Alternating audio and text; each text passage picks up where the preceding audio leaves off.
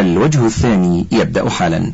نواصل القراءة في جواب سماحة الشيخ عبد العزيز بن عبد الله بن باز عن حديث رواه ابن أبي الدنيا بسنده عن ثابت عن أنس عن رجل أن رجلا من الأنصار توفي ثم ردت إليه روحه وأكل مع من حضروه.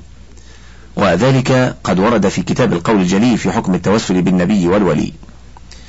يقول سماحة الشيخ قال الله تعالى كالذي مر على قرية وهي خاوية على عروشها.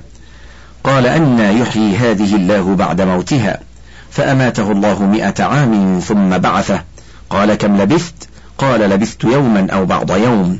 قال بل لبثت مئة عام فانظر إلى طعامك وشرابك لم يتسنه. وانظر إلى حمارك ولنجعلك آية للناس. وانظر إلى العظام كيف ننشزها ثم نكسوها لحما. فلما تبين له قال أعلم أن الله على كل شيء قدير. ومن ذلك رده جل وعلا أرواح الطيور. في قوله تعالى وإذ قال إبراهيم رب أرني كيف تحيي الموتى؟ قال أولم تؤمن؟ قال بلى ولكن ليطمئن قلبي. قال فخذ أربعة من الطير فصرهن إليك ثم اجعل على كل جبل منهن جزءا ثم دعهن ثم دعهن يأتينك سعيا. واعلم أن الله عزيز حكيم. وبالله التوفيق وصلى الله على نبينا محمد وآله وصحبه وسلم. الفتن سؤال. ما معنى مضلات الفتن؟ وما معنى قول بعضهم إن هذه الفتنة هي من الله إلى عبده؟ جواب الحمد لله وحده والصلاة والسلام على رسوله وآله وصحبه وبعد. أولا مضلات الفتن هي الفتن التي تصيب الناس فتنحرف بهم عن سواء السبيل وتصدهم عن الصراط المستقيم. كالشبه التي تضل الإنسان عن الحق وتنحرف به عن جادة الصواب وكدعاة السوء الذين يلبسون الحق بالباطل ويموهون على ضعاف النفوس فيستهونهم بما أوتوا من فصاحة وقوة بيان. وكالمرض أو الفقر الذي يتبرم به المرء ويضيق منه صدره فيسخط على قضاء الله وقدره. وكالغنى الذي يغتر به كثير من الناس ويحدثهم به الشيطان فيصطفيهم ويصدهم عن الصراط السوي. ونحو ذلك مما يفتن المسلم عن دينه أو يصد الكافر عن الهداية. ثانيا التي قد يكون في ظاهره فتنة ومحنة كالفقر والمرض وتسلط الخصوم وهو في الحقيقة وواقع الأمر منحة ونعمة. فقد يكون سببا للتوبة إلى الله والهداية والتوفيق وتحول الإنسان إلى خير وسعة. بعدما كان ضيق الصدر متبرما بالحياة فتفضي به الشدة إلى سهولة والبلاء إلى راحة وسعادة. فيجب على المسلم الصبر والرجوع إلى الله في كشف الضر عسى أن يجعل له من أمره يسرا. وبالله التوفيق وصلى الله على نبينا محمد وآله وصحبه وسلم. سؤال هل هذا الحديث صحيح؟ إنه سيأتي يوم ينتصر المسلمون على اليهود حتى الحجر الذي يختفي فيه يهودي يتكلم وينادي بأنه تحتي يهودي. فاقتله. جواب الحمد لله وحده والصلاة والسلام على رسوله وآله وصحبه وبعد. عن ابن عمر رضي الله عنهما قال سمعت رسول الله صلى الله عليه وسلم يقول تقاتلكم اليهود. فتسلطون عليهم. ثم يقول الحجر يا مسلم هذا يهودي ورائي فاقتله. رواه البخاري. وعن ابن عمر أيضا رضي الله عنهما أن رسول الله صلى الله عليه وسلم قال تقاتلكم اليهود فتسلطون عليهم.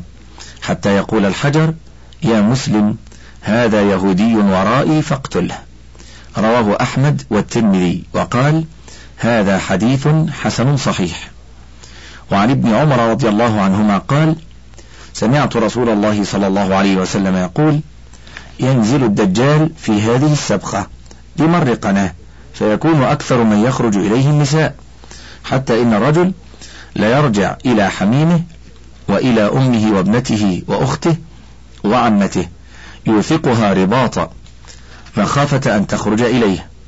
ثم يسلط الله المسلمين عليه فيقتلونه ويقتلون شيعته حتى إن اليهودي لا يختبئ تحت شجرة أو حجر فيقول الحجر أو الشجرة للمسلم هذا يهودي تحتي فاقتله رواه أحمد في مسنده وكذا رواه ابن ماجه عن أبي أمامة الباهلي عن النبي صلى الله عليه وسلم في شأن المسيح الدجال.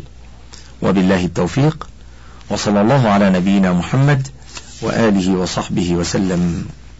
سؤال يأجوج ومأجوج اللذان ورد ذكرهما في القرآن هل وجد على ظهر الأرض أو في عالم غير عالمنا؟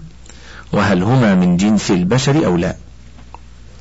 جواب الحمد لله وحده والصلاة والسلام على رسوله وآله وصحبه وبعد. هما من جنس البشر من أولاد آدم أبي البشر عليه السلام وعائشان على هذه الأرض في الجانب الأقصى منها شرقا. قال الله تعالى عن ذي القرنين أعوذ بالله من الشيطان الرجيم. بسم الله الرحمن الرحيم. ثم أتبع سببا. حتى إذا بلغ مطلع الشمس وجدها تطلع على قوم لم نجعل لهم لم نجعل لهم من دونها سترا. كذلك وقد أحطنا بما لديه خبرا ثم أتبع سببا. حتى إذا بلغ بين السدين وجد من دونهما قوما لا يكادون يفقهون قولا. قالوا يا ذا القرنين إن يأجوج ومأجوج مفسدون في الأرض فهل نجعل لك خرجا على أن تجعل بيننا وبينهم سدا؟ قال ما مكني فيه ربي خير فأعينوني بقوة أجعل بينكم وبينهم ردما. آتوني زبر الحديد حتى إذا ساوى بين الصدفين قال انفخوا. حتى إذا جعله نارا قال آتوني أفرغ عليه قطرا. فما استطاعوا أن يظهروه وما استطاعوا له نقبا. قال هذا رحمة من ربي. فإذا جاء وعد ربي جعله دكاء وكان وعد ربي حقا. وتركنا بعضهم يومئذ يموج في بعض. ونفخ في الصور فجمعناهم جمعا. سورة الكهف الآيات من التاسعة والثمانين إلى التاسعة والتسعين. فذو القرنين ومن مر بهم غربا وشرقا كلهم من البشر من ذرية آدم.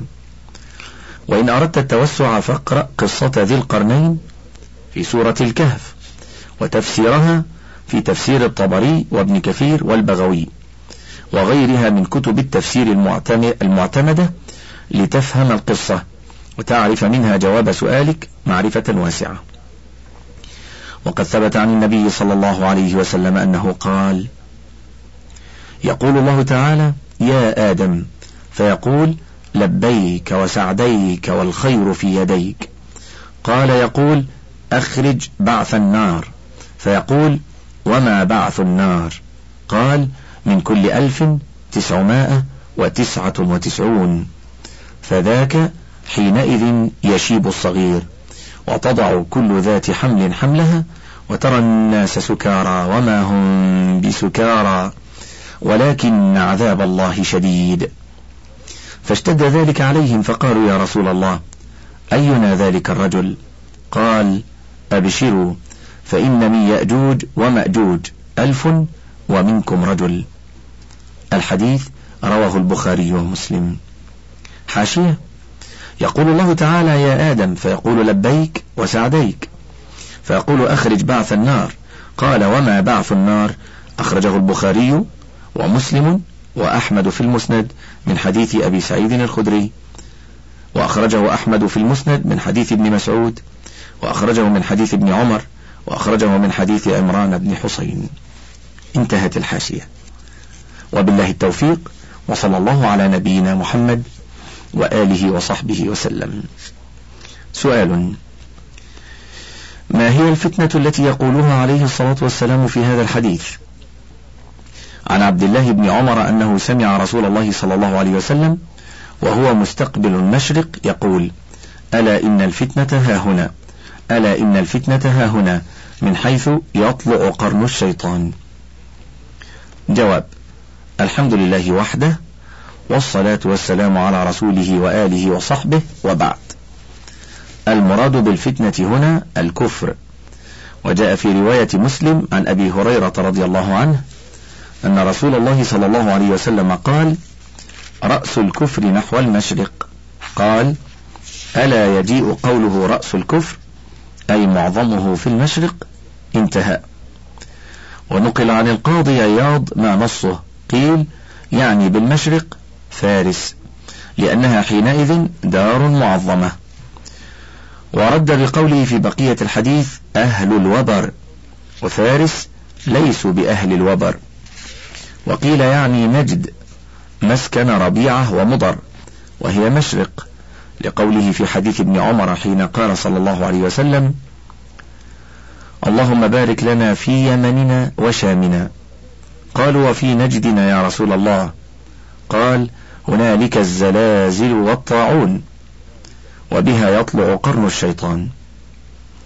وفي الآخر حيث قال اللهم اشدد وطأتك على مضر وأهل المشرق يومئذ من مضر مخالفون له ولدعائه على مضر في غير موطن. ويقول حذيفة لا تدع مضر عبدا لله إلا فتنوه وقتلوه. وكذا قال لهم حذيفة حين دخلوا على عثمان وملأوا الحجرة والبيت. لا تبرح ظلمة مضر لكل عبد لله مؤمن فتفتنه فتقتله. وقيل يعني ما وقع بالعراق في الصدر الأول من الفتنة الشديدة كيوم الجمل وصفين وحروراء وفتن بني أمية وخروج, وخروج دعاة بني العباس وارتجاج الأرض فتنة. وكل ذلك كان بشرق نجد والعراق. وجاء في حديث الخوارج يخرج قوم من المشرق والكفر على هذا كفر نعمة. وقيل يعني الكفر حقيقة ورأسه الدجال لأنه يخرج من المشرق. انتهى. وقال النووي في شرح مسلم على قوله صلى الله عليه وسلم حيث يطلع قرن الشيطان في ربيعة ومضر وأما قرن الشيطان فجانب رأسه. وقيل هما جمعاه اللذان يغريهما بإضلال الناس. وقيل شيعتاه من الكفر. والمراد بذلك اختصاص المشرق بمزيد من تسلط الشيطان. ومن الكفر كما قال في الحديث الآخر رأس الكفر نحو المشرق. وكان ذلك في عهده صلى الله عليه وسلم حين قال ذلك. ويكون حين يخرج الدجال من المشرق. وهو فيما بين ذلك منشأ الفتن العظيمة ومثار الكفرة الترك الغاشمة العاتية الشديدة البأس. انتهى. حاشية. صحيح مسلم بشرح النووي. انتهى. والظاهر أن الحديث يعم جميع المشرق الأدنى والأقصى والأوسط ومن ذلك فتنة مسيلمة وفتنة المرتدين من ربيعة ومضر وغيرهما في الجزيرة العربية. وبالله التوفيق وصلى الله على نبينا محمد وآله وصحبه وسلم. سؤال هل هذا الزمان هو المقصود من قول الرسول صلى الله عليه وسلم عندما سأله صحابي ماذا أفعل عندما تكثر الفتن والفرقة؟ فقال له ردا على سؤاله اعتزل الناس اجلس في بيتك. وفي الصحيح في كتاب الفتن باب كيف الحال إذ لم يكن خليفة الحديث. فيما معناه أنه صلى الله عليه وسلم أمرهم عند نزول النوازل بلا اعتزال وقال ولو أن تعض على أصل شجرة. نرجو توضيح هذا الحديث وأقوال العلماء فيه. جواب الحمد لله وحده والصلاة والسلام على رسوله وآله وصحبه وبعد. في الصحيحين وغيرهما واللفظ للبخاري عن أبي إدريس الخولاني أنه سمع حذيفة بن اليمان يقول كان الناس يسألون رسول الله صلى الله عليه وسلم عن الخير وكنت أسأله عن الشر مخافة أن يدركني. فقلت يا رسول الله إنا كنا في جاهلية وشر فجاءنا الله بهذا الخير. فهل بعد هذا الخير من شر؟ قال نعم وفيه دخن. قلت وما دخنه؟ قال قوم يهدون بغير هدي تعرف منهم وتنكر. قلت فهل بعد ذلك الخير من شر؟ قال نعم. دعاة على أبواب جهنم. من أجابهم إليها قذفوه فيها. قلت يا رسول الله صفهم لنا. قال هم من جلدتنا ويتكلمون بألسنتنا. قلت فما تأمرني إن أدركني ذلك؟ قال تلزم جماعة المسلمين وإمامهم. قلت فإن لم يكن لهم جماعة ولا إمام قال فاعتزل تلك الفرق كلها ولو أن تعض بأصل شجرة حتى يدركك الموت وأنت على ذلك. والزمن ليس خاصا بهذا الزمان وإنما هو عام في كل زمان ومكان. من عهد الصحابة رضي الله عنهم زمن الفتنة والخروج على عثمان رضي الله عنه. والمراد من اعتزال الناس زمن الفرقة ما ذكره الحافظ ابن حجر رحمه الله في الفتح عن الطبري أنه قال متى لم يكن للناس إمام فافترق الناس أحزابا فلا يتبع أحد في الفرقة ويعتزل الجميع إن استطاع ذلك خشية من الوقوع في الشر. ومتى وجد جماعة مستقيمة على الحق لزمه الانضمام إليها وتكثير سوادها والتعاون معها على الحق لأنها والحال ما ذكر هي جماعة المسلمين بالنسبة إلى ذلك الرجل وذلك المكان. وبالله التوفيق وصلى الله على نبينا محمد وآله وصحبه وسلم. أشراط الساعة. سؤال.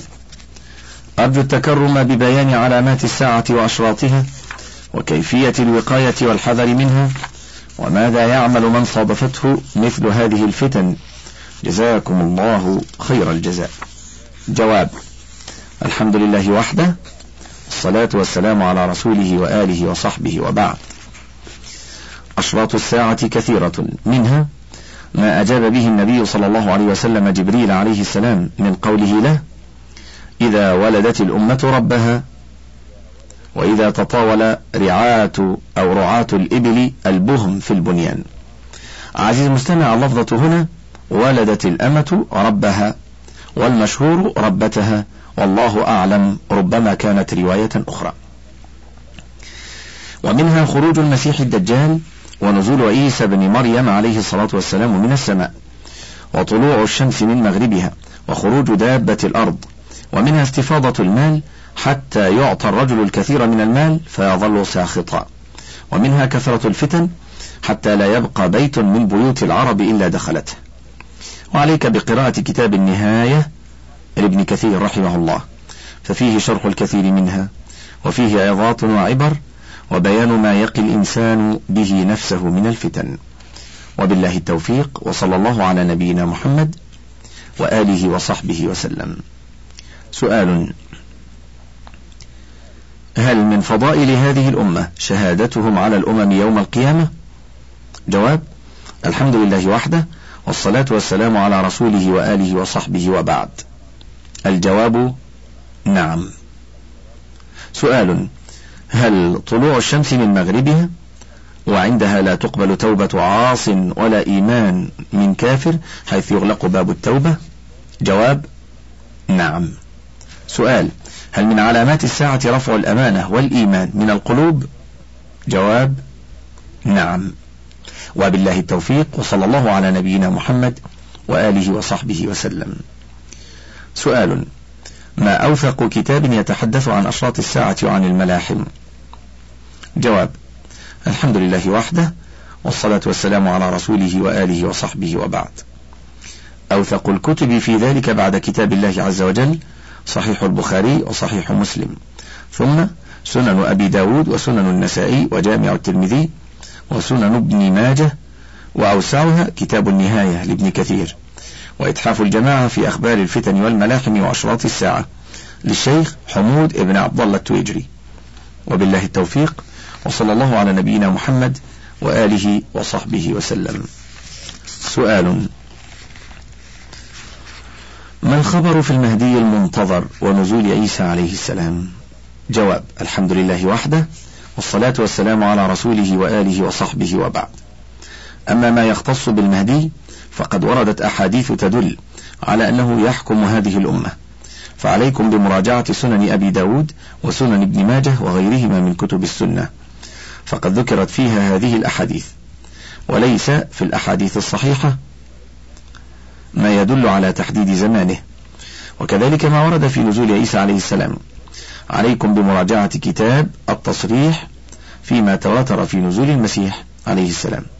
وتفسير ابن كثير عند قوله تعالى بل رفعه الله إليه في سورة النساء. ولم يرد في الأحاديث الصحيحة فيما نعلم ما يدل على تحديد زمان نزوله لكن فيها ينزل إذا خرج الدجال. وبالله التوفيق وصلى الله على نبينا محمد وآله وصحبه وسلم. جواب بل سؤال. أرجو أن تفتوني عن صحة ووجود المهدي الذي يقال عنه في الأرض وهل وردت أحاديث نبوية صحيحة عنه؟ أثابكم الله. جواب الحمد لله وحده والصلاة والسلام على رسوله وآله وصحبه وبعد. الأحاديث التي دلت على خروج المهدي كثيرة وردت من طرق متعددة ورواها عدد من أئمة الحديث. وذكر جماعة من أهل العلم أنها متواترة معنوية. منهم أبو الحسن الآجري من علماء المئة الرابعة والعلامة السفاريني في كتابه لوامع الأنوار البهية والعلامة الشوكاني في رسالة سماها التوضيح في تواتر أحاديث المهدي والدجال والمسيح. وله علامات مشهورة مذكورة في الأحاديث وأهمها أنه يملأ الأرض عدلا وقسطا بعدما ملئت جورا وظلما. ولا يجوز لأحد أن يجزم بأن فلان ابن فلان هو المهدي. حتى تتوافر العلامات التي بينها النبي صلى الله عليه وسلم في الأحاديث الصحيحة. وأهمها ما ذكرنا وهو كونه يملأ الأرض عدلا وقسطا الحديث. وبالله التوفيق وصلى الله على نبينا محمد وآله وصحبه وسلم. سؤال. المهدي وما هي أشراط الساعة؟ جواب الحمد لله وحده والصلاة والسلام على رسوله وآله وصحبه وبعد. رجل من أهل بيت النبي صلى الله عليه وسلم يأتي قبل نزول عيسى يدعو إلى الإسلام ويقيم الله به الحجة ويهدي به كثيرا من الناس. وإن شئت التوسع في ذلك فاقرأ ما كتبه عنه ابن كثير رحمه الله في كتابه النهاية. وبالله التوفيق وصلى الله على نبينا محمد وآله وصحبه وسلم. سؤال. سمعنا سابقا عن قصة فتنة الدجال أنه يأمر السماء تمطر ويأمر الأرض أن تنبت أو تحمل ويطلع الكنوز من الأرض وأنه يقتل رجلا ويحيا بعده ويقول من يدرسوننا ما هو صحيح فعل الدجال. قمرة يقمر بها أعين الناس فأفيدونا عن الصحيح. جواب. الحمد لله وحده والصلاة والسلام على رسوله وآله وصحبه وبعد.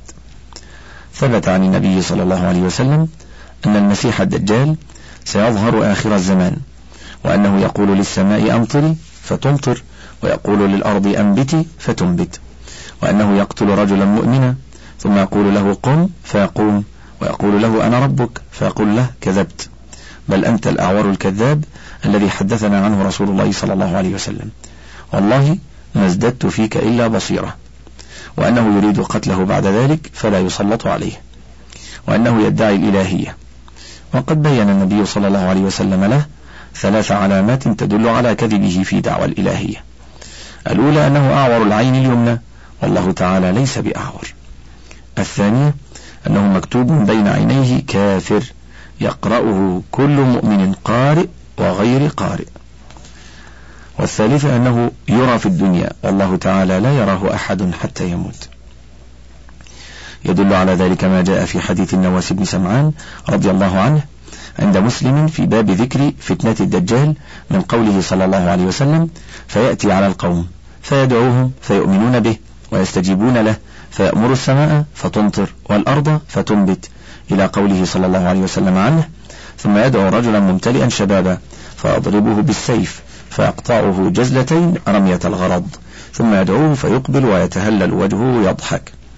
وفي رواية أخرى لمسلم عن أبي سعيد الخدري رضي الله عنه قوله صلى الله عليه وسلم فيخرج إليه يومئذ رجل هو خير الناس أو من خير الناس.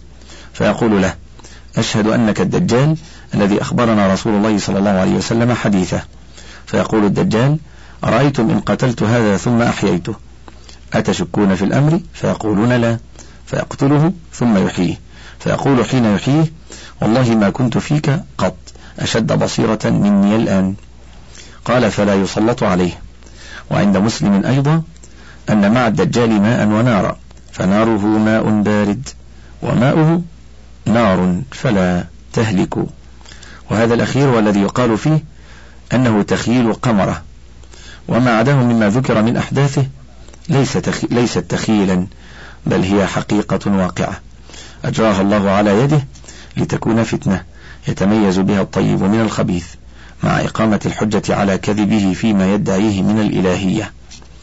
قال مسلم رحمه الله حدثنا أبو خيثمة زهير بن حرب حدثنا الوليد بن مسلم حدثني عبد الرحمن بن يزيد ابن جابر حدثني يحيى بن جابر الطائي قاضي حمص حدثني عبد الرحمن بن جبير عن أبيه جبير بن نفير الحضرمي أنه سمع النواس بن سمعان الكلابي.